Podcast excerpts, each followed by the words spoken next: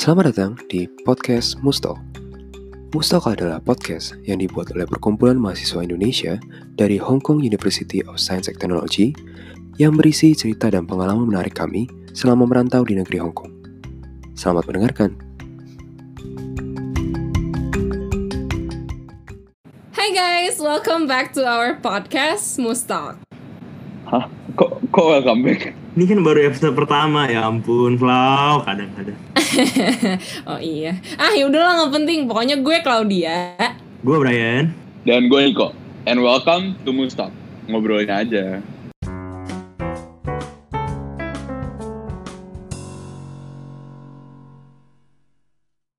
Yay. Yuk.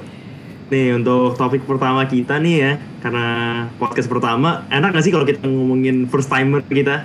First time daftar, banget. Setuju, setuju. first Boleh, time boleh, boleh. cobain Hong Kong dan lain-lain gimana guys? Boleh, boleh. Tapi gue lebih penasaran kenapa lu pada mau masuk kakus. Menurut lu gimana, Klo? Hmm, kayaknya main alasan kenapa gue masuk kakus dan kebanyakan orang juga sama gak sih? Kayak pasti orang lihat ranking, kayak uni ranking tuh sangat penting gitu. Dan kenapa gue pilih kakus adalah karena uh, scenery-nya. Kayak gue suka banget samping laut dan kayak banyak gunung-gunung gitu. Jadi kayak nggak terlalu hektik gitu loh. Gue setuju sama lu. Gue juga suka sama uh, scenery-nya Hakus. Tapi gue se- secara in general, kenapa gue pilih Hong Kong itu gara-gara menurut gue ya, kayak Hong Kong as a, as a city itself itu dia uh, the center of modern industry. Semua big company yang mau coba testing ke masuk ke dalam negara Cina, pasti mereka testingnya di Hong Kong. Jadi makanya menurut gue Hong Kong sangat maju gitu. Wih, keren juga loh nih. Kalau lu gimana Bri? Kalau gue sendiri, oke mungkin lu pada belum tahu ya, cuma gue daftar Hakus sebagai satu-satu univ yang gue daftar. Gue lumayan dikit sih. Pengumumannya di akhir gue udah kayak anjir. Tapi kayak kalau misalnya lu mau tahu kenapa ya semua anak SMA nggak sih muluk-muluk ranking. Buka qsuniversity.com, cek, oh top Hakus ya udahlah why not gitu dan daftarnya tuh nggak sesusah yang lain karena ya kita butuh TOEFL atau IELTS tapi kita juga cuma butuh UN selain itu dan kita langsung bisa masuk dibandingkan dengan yang lain ada tes-tes yang lain gitu Bener-bener. Setuju sih. Sa- satu plus poin yang gue pengen highlight ya tentang Hakus itu, gue gue coba daftar tuh di tiga uni di Hong Kong, HKU, Hakus, sama CTU. Dan dari tiga-tiganya gue dapet conditional offer. Tapi gue ya gak bermaksud sombong juga sih. Cuma dari dari tiga uni itu yang menurut gue paling gampang untuk dapat beasiswa ya, itu menurut gue Hakus. Karena dia paling visible. Terus cuman dia doang yang ngasih waktu itu ke gue conditional offer untuk dapat 4 year off. Dan menurut gue itu emang chance yang bagus banget sih. Apalagi kayak kita dapat beasiswa, siapa yang gak bangga gak sih bikin orang tua bangga gitu-gitu sih gak sih? ya kalau gue sendiri perspektif orang yang nggak dapet offer sama sekali nih ya boleh kasih tau dikit tentang gimana sih cara dapetnya kok bisa menurut lu ah, kenapa lu bisa dikasih offer itu buat dapet beasiswa itu Jujur menurut gue, gue belum tahu gue bakal masuk Hakus tuh sampai gue kelas 11. Jadi em, dari kelas 10 tuh gue cuma mikir kayak kalau gue mau masuk ini bagus, kalau gue mau coba, gue udah inter beasiswa dari kelas 10, cuma gue nggak tahu mau beasiswa di mana kan. Terus gue jadi mikir kayak kalau gue mau cari uni yang bagus, gue harus emang harus niat belajar gitu. Jadi dari kelas 10, 11 sama 12, gue usahain nilai-nilai gue bagus dan eh, menurut gue salah satu faktor tuh dari, dari sekolah juga ya. Eh, alma mater gue itu kan Santa Laurencia dan udah ada banyak anak Santa Laurencia tuh yang udah masuk ke Hakus. Jadi mungkin emang namanya juga lumayan bagus. Ya, Cik. gitu lah. Dan sebenarnya kalau dari nilai pun eh, gimana ya? Hakus waktu itu buat gue School of Engineering dia kasih tiga, tiga tipe beasiswa. Yang pertama di nilai 90, 93 sama 95. Di 90 itu dapat first year off, di 93 dapat first year dan dapat juga allowance dan di 95 itu dapat four year off. Tapi nggak dapat allowance, tapi ya tetap aja. Which is quite nice. Hmm. Tapi guys, lu pernah mikirin ini gak sih yang soal banyak organisasi-organisasi gitu di Hakus? Apalagi kayak kita sekarang ada di Musti ini gak sih kayak keluarganya dapat banget, kita dapat keluarga, dapat teman gimana menurut kalian? jujur gue udah tahu tentang Musti itu dari lama banget. Jadi kayak pas gue kelas 11 itu ada satu SA dari Hapus, dia em, ke Indo, dia ke sekolah gue, dan dia cerita tentang eh, Musti ini. Jadi sebenarnya Musti ini bukan sesuatu yang unfamiliar banget ke gue pas gue pertama kali masuk Hapus. Tapi sebenarnya kayak salah satu yang bikin Hakus menurut gue sangat bagus, bu- bukan sangat bagus sorry, maksudnya kayak yang menarik dari Hakus gitu kayak mereka super open uh, to society sih. Jadi kayak hobi kalian apa aja tuh kayak ada aja gitu society-nya kayak dari dragon boat, tenis lah apa segala kayak banyak banget gitu loh. Asik sih. bener sih kayak gak cuman organisasi tapi fasilitasnya juga kayak gimana ya karena Hakus itu mungkin salah satu yang paling dekat sama pantai well sebelahnya langsung pantai dia water activitiesnya banyak banget just a fun fact uh, dragon boatnya Hakus tuh salah satu yang terbaik gak sih kalau nggak salah di Hongkong Iya, ya itu yang gue dulu. Gue kepo deh, kayak kalian pilih hall berapa sih? Dulu pas kayak nentuin sebelum masuk Hakus. Soalnya dulu gue bener gak ada bayangan loh hall tuh kayak apa. kayak tiap kali gue tanya semua kakak kelas yang ada di Hakus kayak, eh Ci kok um, Nian hall berapa ya? Fix jawaban yang gue dapet cuman kayak, pokoknya jangan pilih hall 5 Klau. kan gue jadi takut tuh ya. hmm. Kalian pilih hall berapa aja? Gimana Nick? lu dulu lah Bri, lu dulu. Oke deh, gue dulu ya. Em, awalnya kakak kelas dulu gue tanya yang sekarang udah lulus, em, baru fresh graduate, dan dia ngomong kalau misalkan pokoknya yang bagus 789 kayak lu harus masukin em, 7 atau 8 atau 9 di posisi pertama lu. Jadi kita dikasih tiga chance buat daftar eh, opsi satu, opsi dua, opsi tiga. Dia akan refer ke satu dulu kalau nggak dapet kedua dan selanjutnya. Nah, pilihan pertama itu harus pilih 7, 8 atau 9. Nah, gue ambil 7 pas itu kayak emang salah satu yang paling oke katanya kan. Terus dua opsi yang lain ya opsi safe kayak 3, 4, 6. Tapi gue pas itu daftarnya 3 dan 1. Jadi 7, 3, 1. Dan syukur-syukur gue dapet 3. Karena 3 itu di antara kayak second tier-nya um, hall-hall di UST paling oke lah gue gue bisa bilang. Kamar sih paling oke. Gimana Nick coba? Oke, sebagai background, gua gua gua tahu ya hall yang bagus tuh apa ya. Sebelum kalian ngejudge gue dapetnya hall apa, gua tahu hall yang bagus tuh apa. Jadi waktu itu em, sebulan sebelum gua pergi ke Hong Kong ada eh, gathering kami gathering dari Musti di salah satu hotel di Indonesia. Nah di situ kan em, kita ketemu em, ketemu banyak kakak kelas kan, dan di situ gua ketemu dengan satu orang namanya Abraham, ya, dia engineering juga, dan dia jelasin ke gua kalau hall 5 tuh jangan pernah diambil. Dia dia udah pernah di hall 5 selama satu tahun gitu kan, dan dia ceritain seolah-olah itu kayak gubuk gitu. Kayak gue ngebandingin kayak kos-kosan yang jelek di Indo gitu kan. Terus terus setelah terus dia bilang kan yang paling bagus 789 dan gua juga udah ada gua udah pernah lihat kayak salah satu video dari kakak kelas juga tentang eh, hall 8 waktu itu dia di hall 8 dan itu legit kayak hotel. Gue beneran kayak wow banget. Sumpah gue sampai sekarang kalau gue tapi seriusan kalau lu pada eks- lu pada udah tau lah gue dapat hall apa gitu kan dan kalau lu lihat hall gue dan lu lihat hall 8 lu bisa melihat kan ada ada kesenjangan sosial itu sebenarnya ya Eh yang dengerin belum tahu lu hall berapa. Oh, iya, Jadi hall iya. berapa Biasa dulu? belum tahu nih. Jadi, Tahu dong. gue tuh milih 7, 6, dan 2 dan Tapi tapi Dapatnya Tapi- apa nih Nick? dan gue dapetnya 5 cerita yang paling menyedihkan tuh gini guys. Jadi pas gue pertama kali ke Hakus gitu ya gue udah gue sama bokap gue sama keluarga gue pas pertama kali nyampe kita udah pakai taksi nih. Kita muter-muter naik turun naik turun nyariin hallnya. Dan yang gue bisa lihat cuma 7, 8, 9, 3, 4, 6 gitu kan. Soalnya satu sama dua kan deket sama lift kan. Jadi kayak emang gak kelihatan. Terus gue nyari lima tuh di mana? Dan ternyata setelah gue lihat-lihat lima tuh beneran di sebelah tanjakan gitu ya. Jadi gue kayak beneran gak nyadar kalau itu adalah sebuah hall gitu dan setelah kita jalan-jalan dan bokap gue lihat hall 789 dia bingung kenapa gue milihnya hall 5 gitu. Padahal gue nggak milih gitu. Itu kan udah takdir Tuhan. Tapi Iya. ah, gue ada konspirasi sih sebenarnya sih. Jadi gue sama roommate gue tuh konspirasi ya. gue sama roommate gue tuh kebetulan kita berdua dapat beasiswa. Beasiswa 4 tahun. Dan kita berdua juga ditaruh di hall 5 terus gue jalan-jalan Sombong sombong sombong.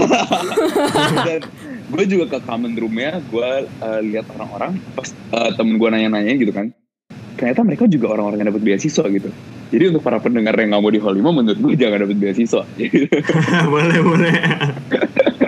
Ini maksudnya apa ya? Kok saya merasa tersindir ya? mungkin Saya apa lagi? bilang ya Gak, gak, gak, gak, gak, gak, gak. Tapi doain gue tahun depan gak dapet hall 5 guys ya amin ya didoakan nih kok ya. Kalau misalkan gue bisa testimoni nih, gue tier 2 tuh dapat hall 7 kan. kira gue bisa dapet nih hall yang kayak wah ternyata masuk Hmm. top 3 nih. Tapi kok ya gue tuh udah di hall 3 gitu loh kayak kamar sih menurut gue pribadi tuh hall 3 nggak ada yang ngalahin. Dan ini cuma berlaku buat yang cowok ya katanya yang cowok untuk hall 3 udah direnovasi kayak baru dua tahun lalu atau tahun lalu gitu. Sedangkan yang bagian cewek kayaknya belum. Nah tapi kalau menurut gue sendiri kayak kamar hall 7 lebih sempit sih. Wala- walaupun kayak mungkin secara kamar punya toilet sendiri kah atau gimana nya lebih private gitu gue tetap pilih hall 3 kenapa karena lebih bagus sih in a way Eh tapi gue kan sekarang tinggal di hall 3 ya. Aduh pak, jauh banget pak, kagak kuat sumpah. Beber jadi guys, hall tuh semua rata di bawah kecuali hall 3 which is nanjak jauh banget. Gue yang anak yang mageran ya guys. Aduh, capek banget guys. Tiap mau mikir ke hall gue mikir tiga kali dulu, sumpah. Menurut lu pada kantin di kampus-kampus kita gimana? ini baru interesting makanan. Nah mungkin buat orang-orang yang belum tahu kita jelasin dulu kali ya. Kantin-kantin di Haku banyak sebenarnya. Ada dua tipe ada yang dari aku sendiri kerja sama sama kayak mungkin Maxim. Eh, kayak ada satu perusahaan makanan gitu di Hong Kong. Sama satu lagi emang restoran dari luar masuk ke dalam. Nah mungkin enaknya gue ngomongin tentang kantin-kantin dulu ya ada tiga yaitu LG7, LG1 sama yang di bisnis. Gue paling suka LG7 sih sebenarnya. Kenapa? Karena kayak menurut gue eh, makanannya mungkin lebih jorok kali ya dibanding yang lain. Sering dibilang sebagai kantin yang kayak kayak orang-orang western orang-orang Hong Kong nggak bakal mau lah. Perut suka sakit perut. Cuma ya orang Indo lah udah tau lah perut suka makan jalanan kan yang sate pak jadi perutnya udah kebal kali ya dan menurut gue emang makanan selalu kayak semakin kotor semakin enak kadang-kadang dan Waduh. bisa temuin gue bisa temuin di LG7 sih Kalau masalah kejorokan LG7 ya, angkatan gua, LG7 itu belum buka sampai setelah 2 atau 3 bulan. oh ya Dan gue denger-denger cerita itu gara-gara ada yang sakit perut di situ. dan dan pertama kali gue makan di sana pun, gue makan ramennya kalau nggak salah, emang kayak temen gue sih yang dapet, kayak emang ada uletnya gitu weh.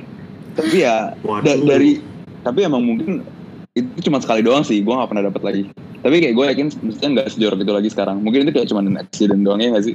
Tapi kalau buat gue sendiri ya, gue lebih prefer LG1 karena emang gue um, gue telat diintroduce buat LG7 kayak mungkin kalau sekarang gue lebih ke LG7 LG7 kayak variansinya lebih banyak ya ada kayak Chinese food Chinese foodnya lebih oke nah kalau buat LG1 itu LG1 tuh lebih ke Chinese foodnya beda kelasnya menurut gue ada barbecue ada dan dia Gitu. juga ada kayak western food kayak pasta pasta gitu kan. Kayak baked rice gitu. Nah, menurut gue itu kenapa kayak gue lebih suka sama LG1 Nah kalau misalkan kita tadi udah ngomongin LG1, L7 Tapi Nick, gua rasa lu harus cobain kantin bisnis sih. Kantin bisnis juga ada makanan-makanan yang super enak juga. Mungkin tudishnya nggak seenak itu, nggak sevariatif itu Cuman yang se- setara 200 ribuan gitu Nah itu lu carinya di kantin bisnis Ngaco. Eh tapi kalian berdua basic banget sih. Tapi kalau gue ditanya favorit gue di Hakus ya, kayaknya kalau nggak Sifron, em,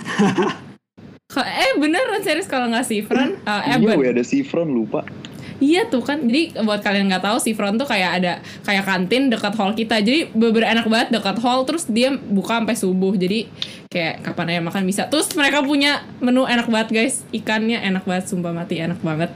Tapi cuman ada kayak hari-hari tertentu doang. Eh, sedih deh. Eh tapi ngomong-ngomong ya, gue tuh kayak lumayan kayak year satu ya bahkan gue nggak pernah makan dish woy. Jadi dish tuh kayak makanan di LG7 semua orang makan itu. Tapi Bri kayak ini baru gue orang kayaknya Bri bukan bukan Udah tahu bukan ya gitu. guys, udah tahu ya Udah tahu Iya. bedanya. Enggak enggak enggak enggak enggak Gua tudis setiap pagi. Nih untuk keuangannya kayak maksudnya kayak tudis tuh cuma 25 dolar guys. Dan itu salah satu menu paling murah yang ada di Akus. Bener dan dia sih nggak pernah makan dan dia nggak pernah makan. Year Kayak, satu year satu. lah ya. enggak masalahnya tuh gini loh. Kayak year satu masih mau explore nggak sih makanan-makanan Hong Kong? Jadi jujur aja di year satu tuh gue sering banget keluar kayak jadi tiba-tiba hari Rabu nggak ada nggak ada angin nggak ada hujan gue bisa kayak ke Wancai cuma buat beli es krim guys. Se ekstrim itu gue kayak suka banget cobain makanan-makanan kayak yang kayak terkenal di Hong Kong itu loh kayak dim dim sum hah? Kayak udah udah jauh-jauh kuliah di Hong Kong nyobain gak sih kayak makanan di luar? Terus gue juga kayak punya food blog gitu guys. Follow ya Claudia Eats. Eh tapi jujur gue dengan cerita lu gue jadi sedih sih. Kayak untuk year pertama gue tuh gue gua belum sempet nge-explore karena gue mikir kayak wah waktu gue masih panjang gitu kan masih ada semester depan dan ternyata gue cuman sekolah di Akus cuman sekitar empat bulan ya Jadi kayak rada sedih juga gue dengerin. Aduh. Tadi gue gak salah denger ya, lu ngomong Rabu. Iya, Rabu. Rabu bisa keluar gimana ceritanya? Weekend aja udah kayak aduh dilibat terus. Mungkin gue belajar lama cuma kayak tetap aja weh. Lu gimana cara Ya. nyempetin tuh Rabu keluar dari UST itu udah susah banget. Ah ya, ya makanya ya hasilnya nilai year satu gue pip nggak usah disebut. Yuk lanjut skip. Tapi Eh, asik guys, tapi- Hong Kong tuh asik banget berjalan-jalan. Ya terus lanjut. gue setuju sih gue setuju kalau Hongkong tuh enak banget cuman kayak gak tau ya mungkin karena gue kayak gue tahu kayak Hapkus itu punya reputasi sebagai sekolah yang susah dan kompetitif makanya Hmm. gue kayak pas semester pertama tuh gue kayak gila gue harus belajar eh, gue harus belajar terus guys gue harus belajar terus dan gue sadar kalau salah satu perbedaan yang gue dapat dari Hapkus dibanding uni lain tuh kayak flexibility-nya gak sih ya Hmm. sih kayak menurut iya gue. Hakus itu salah satu uni yang bisa memberikan em, fleksibilitas tentang time slot. Kayak bisa milih pelajarannya mau kapan aja, mau kapan. Dan guys, gue Mhm. pas year satu beneran gue merasa lugu banget. Gue kayak sok rajin gitu, gue kayak ah gila gue harus bangun pagi. Dan kalau gue mau bangun pagi gue kelas harus kelas yang paling pagi. Dan gila gue senin sampai jumat kelas jam 9 dan gue nyesel sampai sekarang. Sama nih, sama. Ih, gue juga dulu kayak gitu, ha Brian juga gak sih? Bri kita sekelas tau. Sama sama persis. Kacau. Soalnya dulu mikirnya kan kayak ah udahlah sekolah kan jam jam 6 ya bangun. Masa jam 9 nggak bisa? Ternyata guys tidak bisa. Literally setiap pagi berlomba-lomba buat ke lecture. Telat. Aduh kacau banget terlaluan Tapi ya, ya mungkin kelihatannya jam 6 jam 9. Cuma kita nggak ngelihat faktor kita tidur jam berapanya itu loh. Kita tidur jam 3, jam 4, aduh. Terus kalau dulu dibangunin, nyokap bangunin. Nah, nah, nah, nah, terus habis itu supir, ada supir jalan kita bisa tidur di tengah jalan. Ini gimana? Kalau misalnya kita harus naik lift, jalan kaki, lari, bahkan sering. Aduh, first time. apalagi kalau hall 3 ya Bri ya paling gila, jauhnya. Tapi kayak buat para pendengar yang nggak tahu ya, di Hakus itu emang kelas paling paginya itu jam 9. Jam 9 itu di Hong Kong ya kan, jam 9 di Hong Kong ya, jadi jam 8 di kita. Jadi untuk kita yang udah terbiasa di Indo selalu jam 7 udah harus di sekolah, jam 7.15 udah mulai kelas, jadi jam 8 tuh kayak hmm, oke lah, apalagi pas kita yang biasanya jadi jam 9 gitu kan. Tapi satu hal yang kalian nggak boleh lupain itu tentang belajarnya loh.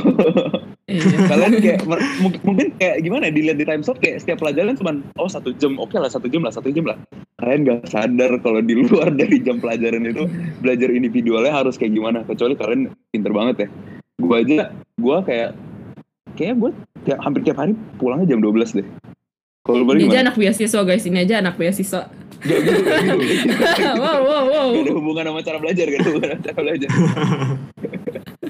Kalau misalnya ngomong soal flexibility ya, mungkin gue nggak tahu sih soal engineering nih. Mungkin untuk di engineering lebih gampang ya. Cuman untuk bisnis ya kita tahu lah anak bisnis lumayan nyenggol-nyenggol lah, nyurut-nyurutin. termasuk Gimana di gimana time tuh, slot. gimana tuh? Termasuk time slot, aduh kayak gimana ya? Kayak tiap kelas tuh kayak udah penuh dulu di awalnya loh sama orang-orang yang misalkan udah masuk major tertentu dan em, kita ada sistem di Hakus di mana emang year 4 dikasih waktu dulu untuk milih ma- untuk masuk ke dalam shopping cart. Jadi mereka biasanya masuk ke dalam waitlist dulu. Jadi kita ada sistem waitlist dan untuk course-course yang penting khususnya kayak Common Core. Common Core itu course-course yang apa namanya yang wajib diambil sebelum lulus. Seperti kelas-kelas sosial. Itu waitlistnya bisa kayak dua tiga kalinya jumlah kelas. Dan kelasnya itu nggak kecil loh. Kelasnya hampir 200 dan waitlistnya ya hitung sendiri kali tiga berapa. Kacau. Lu, lu setuju gak sama sistem hapus ini? nggak dendam nggak, pribadi karena- iya jujur karena ada banyak orang yang yang lupa untuk drop kalau misalkan nggak mau dan akhirnya semuanya nunggu jadi semuanya ke stack di atas dan kayak apa ya nggak efektif kita jadi kayak mau bagi-bagi time slot time slot yang sisa untuk kayak kelas-kelas cadangan jadi nggak bisa juga terhambat gitu Dan sih. ini buat pendengar ya. em, jadi bahkan ketika year 4 terus diurutin year 3, year 2, year 1, year satunya itu pun dibagi-bagi lagi. Jadi tiap year itu dibagi-bagi lagi jamnya. Kadang misalnya em, year 1 mulai dari jam 12 sampai jam 4. Ada yang bisa mulai jam 12 setengah sampai jam 4, ada yang bisa mulai dari jam 3.30 sampai jam 4. Jadi itu bener-bener Oh. hoki-hokian banget. Jadi menurut gue emang sistemnya lum- lumayan sikut-sikutan sih. Ada ada faktor hoki nggak hoki juga dalam itu ini. Eh tapi kayak soal ngomongin Hakus dan pelajaran, satu yang mau gue angkat pas awal masuk Hakus ya, pertama kali dengar maksudnya kayak oh nilainya tuh bell curve loh. Jadi dulu gue kayak kagak ngerti ya bell curve tuh diapain gimana. Orang tuh jelasin ke gue oh pokoknya nilai lu diratain. Jadi kalau misalkan uh, sekelas lu dapat 40 tapi lu dapat 60 ya lu A gitu. Terus gue kayak eh bagus dong. Tapi satu hal yang gue lupa guys ya, gue masuk di bisnis nih. Dan bisnis tuh terkenal kayak ya lumayan gampang gitu ya dapat nilai bagus. Jadi sekelas tuh bisa minnya tuh kayak 80 90 ya kalau lu jeblok dikit ya udah bye bye. Tapi kan emang bisnis kuliah harus kan world number one in Asia ya. Mm. World number one in Asia.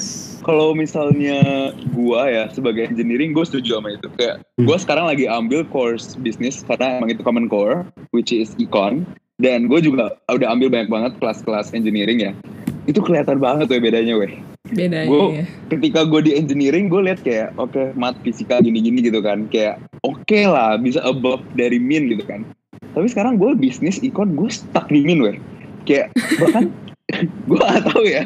Tapi temen-temen gue yang emang dari engineering dari science school tiba-tiba ikut kelas bisnis emang kerasa banget ya. Nggak tahu kenapa.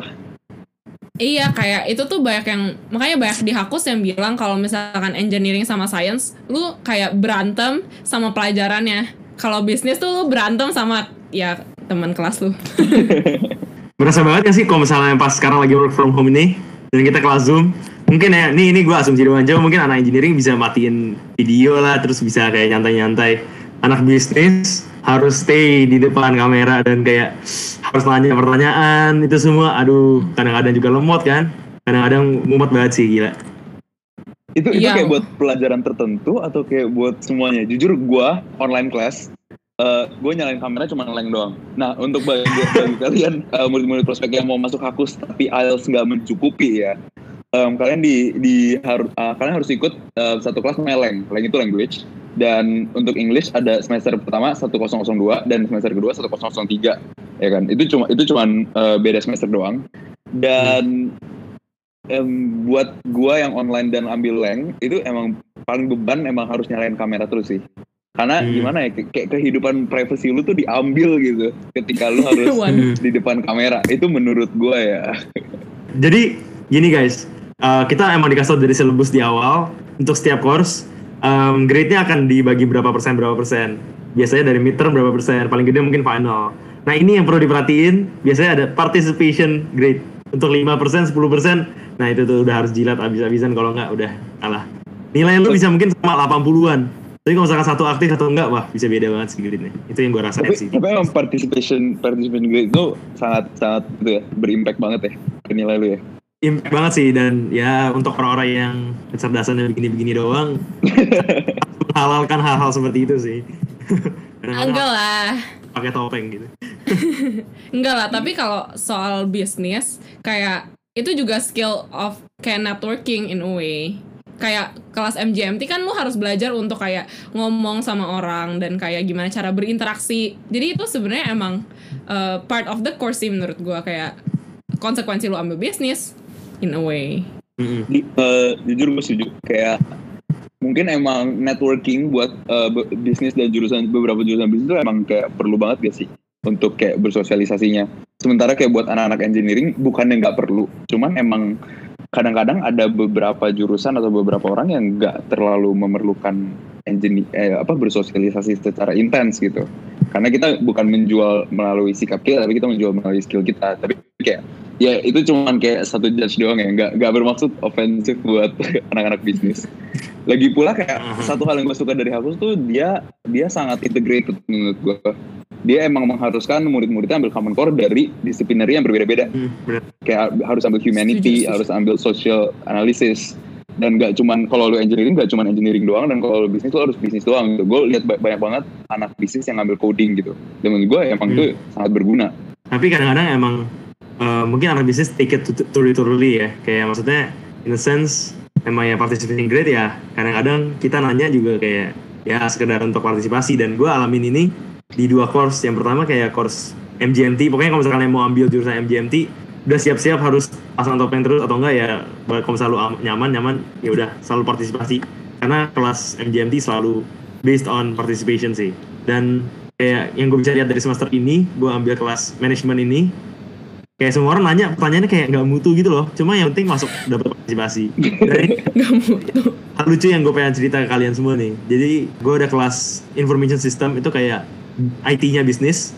Dan kita tuh ada kayak TA namanya. Jadi kayak yang bantu kayak asistennya. Um, asisten tiap-tiap profesor. Nah di kelas information system gue yang ini uh, TA-nya suka dengerin lagu klasik. Dengerin lagu klasik Claudia juga tahu deh terus kayak jadi setiap kali ada lab lab lab lecture gitu kayak pas kita ngerjain tugas diselingin sama lagu klasik gitu kan gue kayak anjir bagus banget lagunya gue private dong zoom kan bisa private chat Aduh ini lagunya bagus banget lagunya eh, apa nih bu terus kayak itu kayak jadinya kayak respon dengan Dia balas gitu. gak? Dia balas. berlanjut terus berlanjut iya Oh seneng my banget dia god. yes itu saatnya terus Guys. sekarang gue bahkan chat chat di di canvas kayak ada ada platform gitu buat buat ngobrol bisa kayak ngasih email gitu-gitu inbox dan gue kayak tanya gitu "Em, boleh nggak kasih rekomendasi buat lagu-lagu klasik yang lain Wah, Amin ya doain kacau sih, kacau sih. Ngaruh nilai. itu ngejilatnya eh tapi kalau Next, ngomongin next ngejilat level. gue gue juga pernah ngejilat jadi kayak kita juga harus ambil leng Mandarin kan kalau nggak salah kan iya kan itu Oh. kayak Iya. satu keharusan kan Hmm. dan gue kebetulan eh, ini juga buat para pendengar yang belum tahu kita kan ada harus ngambil Mandarin dan gue yang eh, ceritanya pas semester 1 awal-awal ambis banget gitu ya. Gue rencananya tuh gue kayak wah gue ke Hong Kong gue harus belajar bahasa Cina gitu kan. Padahal Hong Kong itu nggak ngomong bahasa Cina gitu. Gue baru sadar gitu pas gue di situ. Dan dan itu kan lu, lu pada harus interview kan untuk tahu lu pada Hmm. dimasukin kelas apa gitu kan. Kayak udah Yes. mungkin pas SMA kayak ada kelasnya intermediate basic atau apa kalau dihapus tuh pakai angka-angka gitu. Paling bawah 1120 dan paling paling tinggi tuh 1127 atau 128 atau 29 gitu kan. Dan gua beneran interview gue niat banget tuh sebelum interview gue latihan gitu kan. Gue kayak lihat-lihat di internet kayak kira-kira pertanyaannya apa ya? Gitu. Terus gue kayak berusaha untuk cari tahu jawabannya gitu kan. Walaupun sebenarnya nggak gitu penting. Tapi setelah gue dapet gue kayak seneng gitu. Teman-teman gue dapetnya satu dua satu satu dua dua gue dapet satu dua tiga gitu kan. Ada yang dapet satu dua lima gue kayak bangga banget satu dua tiga gue udah kayak gila gue bakal pinter banget di Mandarin. Gue masuk kelas ya guys. Gue udah tahu kalau leng Mandarin itu salah satu beban tertinggi dan, dan karena gue tahu itu beban gue juga ngejilat men. Itu pertama kalinya gue ngejilat guru di Hakus kayak guru-guru engineering kan kebanyakan pada cuek gitu kan. Tapi ini karena ini guru leng dan kita ke banyak banget ngobrolnya gue sampai hampir tiap minggu datengin dia gue kayak nanyain dia terus gue kayak "E, menurut lu menurut lu kelas kita gimana gitu? Gue sampai tanya gurunya kayak dia ngomong kayak kelas kita agak pasif gitu. Terus banyak yang suka main sendiri gue kayak oh iya gitu kan. Gue kayak pura-pura kayak gue enggak gue enggak gitu. Gue I'm here for you gitu. Gue kayak gitu. Padahal kayak sebenarnya gue bisnis.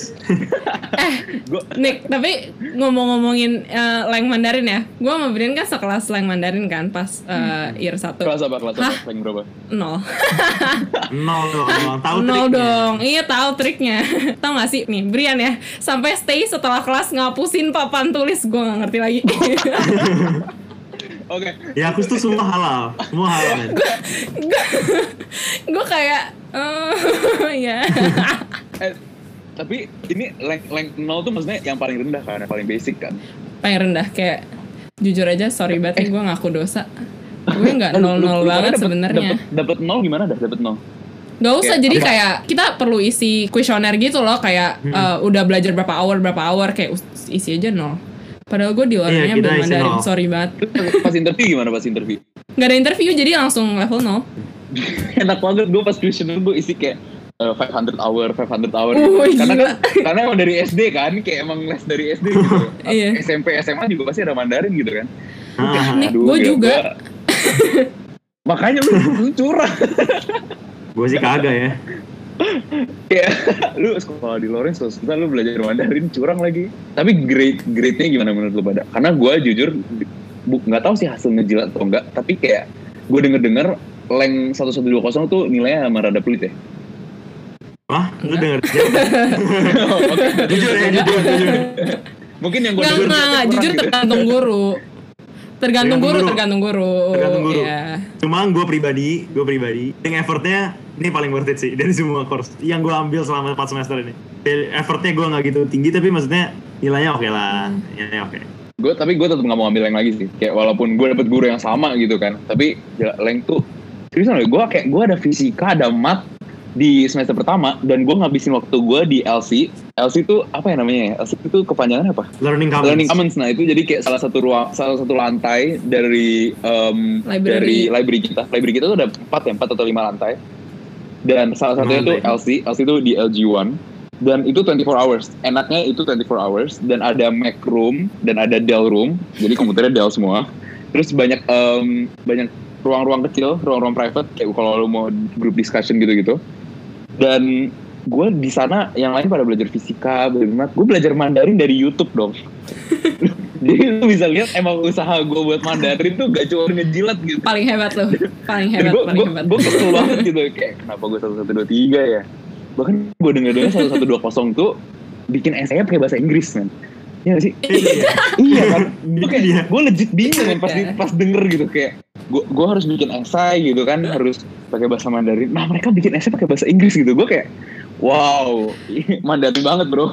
lu tau gak sih itu dulu esai gue bikin gue sampai konsul ke gurunya padahal kayak semua orang juga gak peduli tinggal kumpul-kumpul gue konsul gila niat banget ya ya emang emang kayaknya Leng itu perlu niat paling tinggi ya dibanding semua semua pelajaran-pelajaran lain ya. Tapi kalau ngomongin di Iya, iya. Library nih ya, kita ngomongin LC gitu. Ingat-ingat lagi deh, kayak zaman-zaman belajar nonstop gitu ya. Soalnya kita kan masih year 1 year 2 dapat semua masih dapat kesempatan buat di hall ya. Jadi kita nggak ada batasan kita mau balik kapan dan gue gak tau sih lu pada cuman gue tipe yang orang yang belajar nggak efektif. Jadi gue kadang-kadang belajarnya baru baru efektif pas malam-malam gitu. Dan ya maksudnya kalau di LC bisa jam 1 jam, jam 2 pun masih lanjut gitu. Lu pada gimana? Gua buat year one yang gua rasa emang gua am- lagi ambis banget year one itu karena emang lagi excited banget. Gua juga kayak lu gua sampai di LC lama banget dan kebetulan inget lagi gua hall 5 ya. Jadi yang namanya belajar di hall itu nggak ada gitu. Emang satu-satunya tempat belajar di LC gitu. Tapi ya buat bukannya berusaha nakutin masih bisa hidup kok. Buktinya gue satu semester hidup di sana gitu kan walaupun gue balik awal cuman gue Iya. hidup gitu Oh gue punya cerita. Semester 1 gue belum terlalu sadar gue harus belajar. Jadi kebalikan dari lu. Jadi sebelum masuk kakus tuh gue santuy abis guys. Terus eh, udah nih belajar belajar belajar ketemulah sama yang namanya mat 10 13 nah begitu selesai meet gue udah nggak tahu lagi tuh nilai mau diapain. Ah bener-bener shocknya nggak tahu sih gue lumayan culture shock bukan culture shock kayak eh, belajar shock. Karena gue tuh jujur SMA nggak biasa untuk belajar kayak kayak kalau di Loren tuh kan kayak lumayan project based gitulah intinya. Dan kayak gue lumayan nggak bukan yang kayak 24 per 7 gue belajar terus gitu kagak bisa. Jadi kayak gue juga kayak lu semester SMA beda satu- banget. Iya beda banget. Terus pokoknya semester satu udah lah hari Rabu ke Wancai makan es krim. Kayak ya udah. Terus abis itu Tapi- udah nih semester satu udah nilainya gue hancur. Babai terus baru sadar gitu. Makanya gue lumayan baru belajar semester 2 guys gue lumayan penasaran sih soal em, soal social life kalian gitu. Kan kalian berdua Loren nih. Nah em, gimana sih perbedaan antara Loren sama sini kan makin makin banyak belajar. Apa gimana? Apa berkurang temennya atau makin banyak teman belajar? Gimana tuh? Em, jujur gue buat pertama kali nyampe Hakus ya itu gue emang kerasa sih beban untuk eh, bikin teman atau bersosialisasi. Karena emang eh, jujur gue nggak sepede itu buat ngomong sama orang internasional. Dan kebetulan gue em, sulit membedakan orang-orang Indo dan orang-orang yang ada di sana gitu. Kayak gue aja sering disalahin sebagai orang Hong Kong gitu apalagi gue nyalain mereka sebagai orang Inggris. Satu cerita lucu gue punya temen nih waktu itu gue lagi eh, mau bikin bank account kan di salah satu bank yang ada di Hakus nah jadi buat kalian eh, prospect student di Hakus tuh ada beberapa bank yang udah legit em, kantornya udah ada di Hakus jadi kayak kita tinggal bikin em, tabungannya di sana. Nah pas waktu itu gue lagi ngantri lagi isi form ngantri terus kayak depan gue nih eh, temen gue gitu kan. Pas itu bukan temen gue sih kita belum kenal. Terus kayak dia nanya gue pakai bahasa Inggris gitu kan. Tapi kayak logat-logat Inggris dia tuh kayak kok gue familiar? gitu ya. Terus gue terus gue kayak relate ya? Terus gue gue kayak nanya gitu kan kayak "Uh, where are you from? gitu. Padahal sok-sok bahasa Inggris gitu kan. From Indonesia gitu kan. Dia jawab from Indonesia kok me too gitu. Terus gue kayak ketawa-ketawa gitu ya. kayak nggak tahu kenapa kayak itu cerita yang gak bakal gue lupain sih. Itu teman pertama yang gue bikin pas gue nyampe di Akus. Terus sampai Hmm. sana dan dia udah kenal beberapa teman dan dari situ dia mulai kenalin gue ke teman-temannya dan mungkin gara-gara itu pertemanan gue lebih banyak ke Indo pas awal. Gue sama sih kayak Niko kayak awal-awal Indo dulu. Karena em, kan em, Musti organisasi kita kayak Indo di Hapus tuh kayak ada welcoming gathering itu. Terus sebelumnya kita juga ada pernah ketemu di gathering di salah satu hotel di Indonesia kayak sebelum actual pergi ke Hong Kong kan. Jadi udah kayak kenal-kenal lah kayak beberapa meskipun nggak kenal semua. Pokoknya gue inget banget angkatan gue tuh paling banyak dulu Smuki itu kayak berapa berapa orang? Banyak banget lah pokoknya nggak ngerti lagi. Terus kayak mereka tuh berkumpul gitu jadi kan kita kayak ya takut takut gimana gitu ya. Tapi lucu banget ya pokoknya dulu kayak pas kenal kenal pas awal awal gitu. Saya kan ma- pertama kali masuk tuh kayak gimana ya kayak nggak kenal siapa siapa kayak butuh temen lah masih kayak semangat mencari teman. Terus guys gue mau cerita. Kayak tentang satu orang paling sombong di Hakus nih jadi ya guys dengerin cerita Ya, gue gue tahu nih. nih pokoknya jadi kalau anak bisnis ada eh bukan, bukan anak bisnis doang semuanya ada kayak peer mentoring gitu ya nih masuk nih satu kelas aduh gue gak kenal siapa-siapa nggak ada Indo lagi soalnya kan awal-awal masuk belum ada kelas belum ada apa belum kenal sama yang anak inter gitu kan baru kenalnya sama anak Indo aja gara-gara main gitu kan Pe- Peer mentor lu kayak gimana sih kok? oh peer mentor gue oh ka- kalau yang engineering klan-klan gitu ya Iya, kita ada clan-clan gitu. Jadi kalau engineering tuh lu kayak kebagi jadi 6 clan dengan tema masing-masing, warna masing-masing. Tapi kayak Nggak tahu sih sekarang clan gue udah nggak jalan lagi. Maksudnya kayak udah nggak aktif. Kalau lu?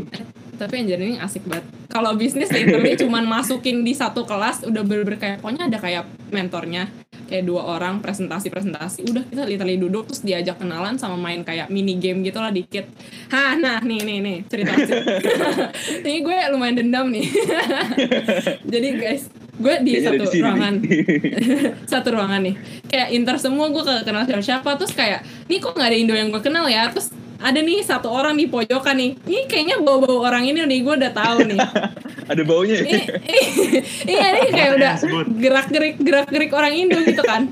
Terus kayak disuruh kenalan lalala gue tuh udah mau approach dia gitu kan. Kayak maksudnya kayaknya ini orang Indo deh. Kalau nggak Indo pokoknya malah yang nggak tau lah yang mirip-mirip gitu kan. Gue udah kayak udah ada vibe-vibe gitu. Terus dia literally sombong banget guys. Dia kayak kenalan sama yang lain. Tau lah Jadi, siapa. jadi lu datengin dia terus dia pergi gitu. Enggak gitu, cuman gue kayak ya gue agak pengen ke sana gue udah kayak kayak udah lihat-lihatan terus dia kayak literally nggak nyamperin gue nggak ajak gue kenalan gue kayak ih apa sih ini orang sombong banget? Gue pergi. Terus gue kayak Wah, beneran nggak mau kenalan sama dia. Literally sampai tuh session keluar gue nggak kenalan sama dia. Soalnya kayak apa sih ini orang? Kepo nggak guys? Orangnya siapa? Kepo nggak nih? kepo nggak nih? tapi sebenarnya tapi menurut gue kayak em, gimana ya kalau ya? Kayak ini menurut gue kayak dia lu nggak ngomong ke dia lu nggak datengin dia. Ya dia nggak salah dong nggak datengin lu. Tapi kita udah kayak ayo ayo. Ih. emang, emang lu kasih dia Bodoh, nggak gitu, suka. kayak gue mau kenalan sama lu gitu. Kayak Tapi maksudnya udah- udah kayak- ih kok lu jadi side with him sih? Ih ini orang nyebelin banget ih Sebut aja dulu kalau sebut dulu orangnya siapa. Brian parah banget sumpah parah banget parah banget. Terus Gini loh. dendam banget dendam banget. Gini loh, kayak mungkin tuh dan gue gak ingat. Cuma kayak pertama emang gue orangnya kan susah approach orang dan gue rada malu itu siapa gitu kan. Terus kayak tapi kayak ya emang dia emang harus dibiasakan gak sih kayak harus di- yang yang dikejar gitu bukan yang ngejar. Kayak, lu kalau kalau misalnya Claudia nggak datengin gue akhirnya gimana gitu loh kayak lu harus coba, ya. lu lu gagal gitu Eh, ya. ya, mungkin emang nature-nya itu loh nature-nya prinsip Keluar dari situ. bed-. Prinsip prinsip gue mungkin beda ya sama Brian ya tapi kayak kalau gue jadi Brian pun dan gue nggak didatengin dan gue emang ya udahlah gitu jadi ya gue juga pasti bingung loh kayak ya gue gak bakal datengin lu kalau kalau gue jadi Brian pun di saat itu Cuma Iya. maksudnya kayak ih parah banget kenapa kalian jadi setim sih Ih, bete bete bete bete. Ih nyebelin lah, banget. bercanda, bercanda. Enggak, bukan karena mau dikejar enggak, cuman nggak tahu sih Nick kalau kalau gimana, cuman kalau misalkan Indo kan pasti kayak eh lu Indo gitu-gitu. Nah itu gue nggak siap intinya loh, gue kayak mending kayak kenal sama orang lain kayak baru fresh fresh gitu kayak oh lu ini ini ini. Daripada Indo kayak eh lu Indo, gue tuh langsung kayak Parah banget. Kenapa gitu Tuh, ya? Parah banget. gitu ya? Guys, guys yang yang dengerin kalian pendengar pendengar mendengar dari sendiri. Ya pendengar dari. Kalian Pasti mendengar sendiri. Introvert ya. introvert, introvert. Gila gila. Astaga. Gila gila keluar keluar dari ruangan itu gue langsung kayak udah gue gak mau kenal sama nih orang eh tiba-tiba dikenalin sama orang gue udah kayak bete banget gue gak mau kenal Tapi lihat sekarang gimana, ayo. Kan Iya. kalau misalnya gak jadi orang paling membahagiakan aja. nggak nggak nggak tapi tapi tapi serius ya kayak bagi kalian yang lagi denger prospek-prospek murid hapus kayak eh, gak semua orang temenan sama orang Indo gitu kan. Tapi kayak mungkin pas awal-awal kayak kita lebih bisa relate the struggle itu sama orang Indo gak sih? Kayak bisa relate ke, ma- ke makanannya ke cara lu bercakap. Kan lu di sana kayak harus full English gitu kan. Dan gue bukan dari sekolah internasional jadi kayak jujur agak susah awalnya pas ngomong Iya. bahasa Inggris ke semua orang gitu kan tapi menurut gue salah satu solusi yang gue sendiri personally setuju adalah untuk bikin organisasi ya nggak sih maksudnya kayak untuk join organisasi-organisasi ada Hmm. di Setuju banget. Banget. Hakus tuh punya banyak banget organisasi dan kayak Mm-mm. di organisasi itu detail-detail banget. Contoh, kita ada Musti yang buat orang Indo doang. Bahkan buat Iya. South Asian pun South East Asian aja ada sisa kan. Iya. Nah, dan dari situ menurut gua kayak em, organisasi organisasi yang non akademik kayak gini itu menurut gua sangat bagus buat bikin temen. Kayak jujur tanpa ada yang Musti, gue mungkin nggak tahu kalau angkatan gue yang Indo sebanyak itu. Karena dengan ada acara Musti dengan gathering, gue tahu yang awal-awalnya nggak pernah muncul tuh ya. Tiba-tiba jadi ada gitu pas di gathering itu gue oh karena banyak orang Indo yang nggak kelihatan kayak orang Indo gitu. Kayak ada yang gue pernah kayak punya teman, gue kayak pertama kali lihat dia kayak you Indonesian gitu. Padahal dia sebenarnya kayak mukanya kayak rada Korea-Korea gitu gitu. Jadi gue kayak legit bingung.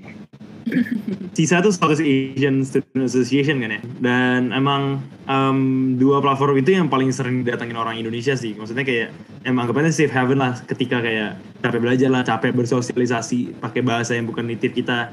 Biasa kita balik ke dua organisasi itu sih kurang lebih.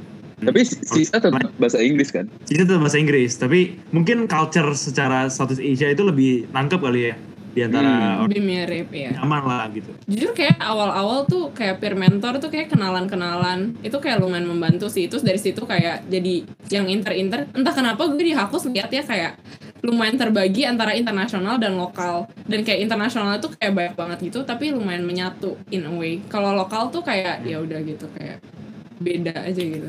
Mm-mm. Guys, kayaknya laptop gue lobet deh. Eh, gue pergi dulu ya. Bye bye. Eh, eh, lo, lah lah em, oke eh, tapi kayak kita bukan tapi kayak time, ending time, ya. time limit kita udah lewat gak sih kayak, kayak udah lewat deh hmm, oke Tapi deh. kita udah siapin ending, kita latihan berjam-jam, woi. Ais. ya udahlah ya Bisa kapan-kapan, bisa kapan-kapan. Bye Bri.